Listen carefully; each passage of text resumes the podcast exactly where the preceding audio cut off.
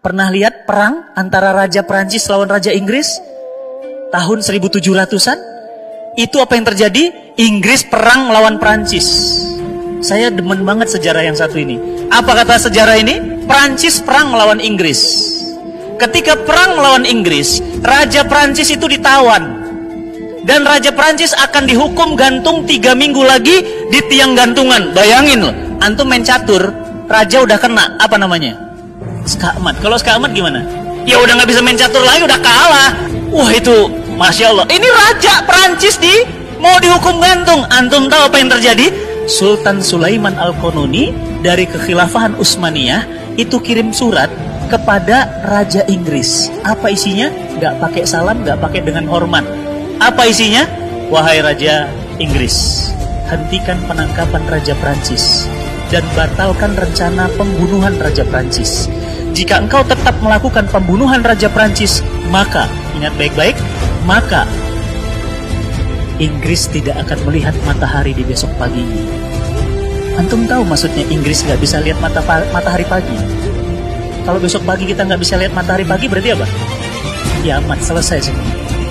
Apa yang terjadi? Langsung direspon oleh Raja Inggris, batal hukuman gantung untuk Raja Prancis saat-saat terindah ketika Islam diterapkan.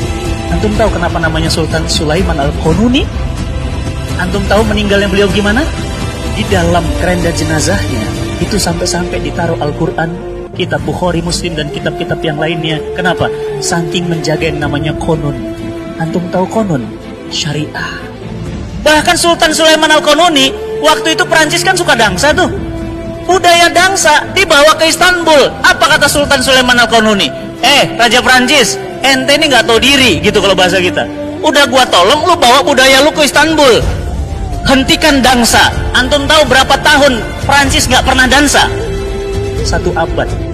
100 tahun Prancis nggak pernah dansa.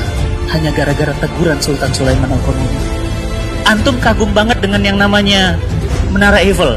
Tahu nggak sejarahnya? Kalau kemudian nggak ditolong oleh Sultan Sulaiman Al-Qanuni Prancis itu nggak ada sekarang tapi apa balasan Perancis sama kita? Yang pakai burko, yang pakai cadar, pidana. Yang pakai jenggot, pidana. Itukah balasan Perancis kepada kita? Ya begitulah. Ya teman-teman saya aktivis dakwah di Perancis ditangkapin. Ditangkapin. Ya kita demo, kita bilang Perancis, kamu lupa jasa Sultan Sulaiman Al-Qanuni. Kamu ini luar biasa.